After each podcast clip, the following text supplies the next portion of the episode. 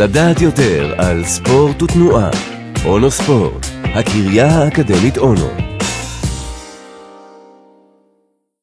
השפעת תרגילי יציבה על שרירים של נשים עם כאבי גב תחתון. חיזוק שרירי ליבה הפך לשם נרדף לתרגול במקרה של כאבי גב תחתון. אבל מהו מנגנון הפעולה של תרגילי שיווי משקל ויציבה על השרירים הרלוונטיים? עדיין לא ברור. צוות חוקרים קוריאנים בראשות טאי הו קים החליט לפזר את הערפל בנושא במאמר שהתפרסם ב-JER. כבר הרבה שנים שכאבי גב תחתון מככבים במקום הראשון ברשימת ההפרעות האורתופדיות בעולם. 60% מהאוכלוסייה יסבלו בשלב כלשהו של החיים מכאבי גב תחתון, והתוצאה היא, כמובן, הפסד ימי עבודה, נזק כלכלי למשק ונזק גופני ורגשי לסובל מכאבים. החוקרים רצו להשוות בין שני סוגים של תרגילים, תרגילי יציבות, שידועים הרבה שנים בתחום חיזוק שרירי הליבה, ותרגילי שיווי משקל.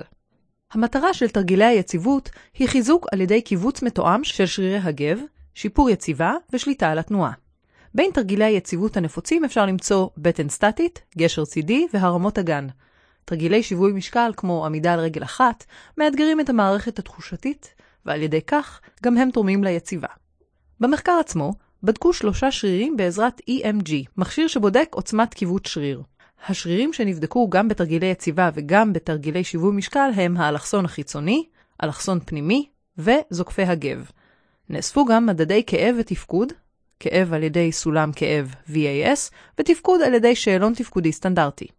התוצאות היו מעניינות.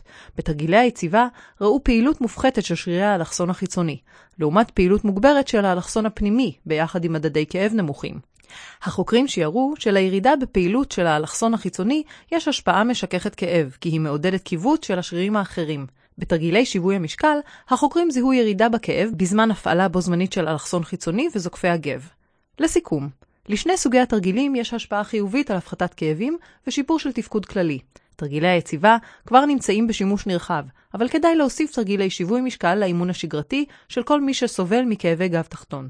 בגוף המאמר אפשר לראות נתוני EMG מדויקים של כל שריר שנבדק במחקר, בתרגילי יציבה ובתרגילי שיווי משקל.